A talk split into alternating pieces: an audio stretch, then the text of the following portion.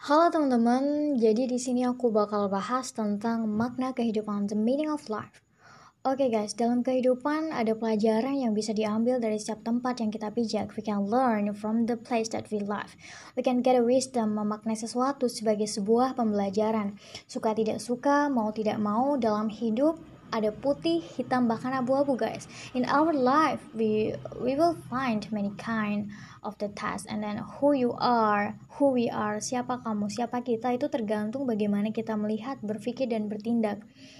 It depends on how you think, on how you see and on how you act. It is not you learn you can uh, through the test, but from the test you can learn how to through the real of life. Bukan dengan belajar kita bisa melewati ujian, tapi dengan adanya ujian lah kita belajar melewati semua kehidupan.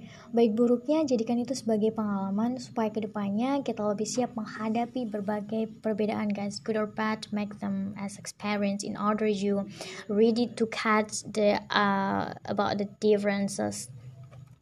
Dan akan ada rintangan, akan ada hambatan, dan yang terlihat bagus, yang terlihat indah belum tentu menyenangkan dan yang terlihat buruk, yang terlihat biasa saja terkadang justru lebih menenangkan. What looks good is not always good and what looks bad it's not always bad. I think that's all guys. I hope this is useful for us. Thank you for um listen this podcast and goodbye.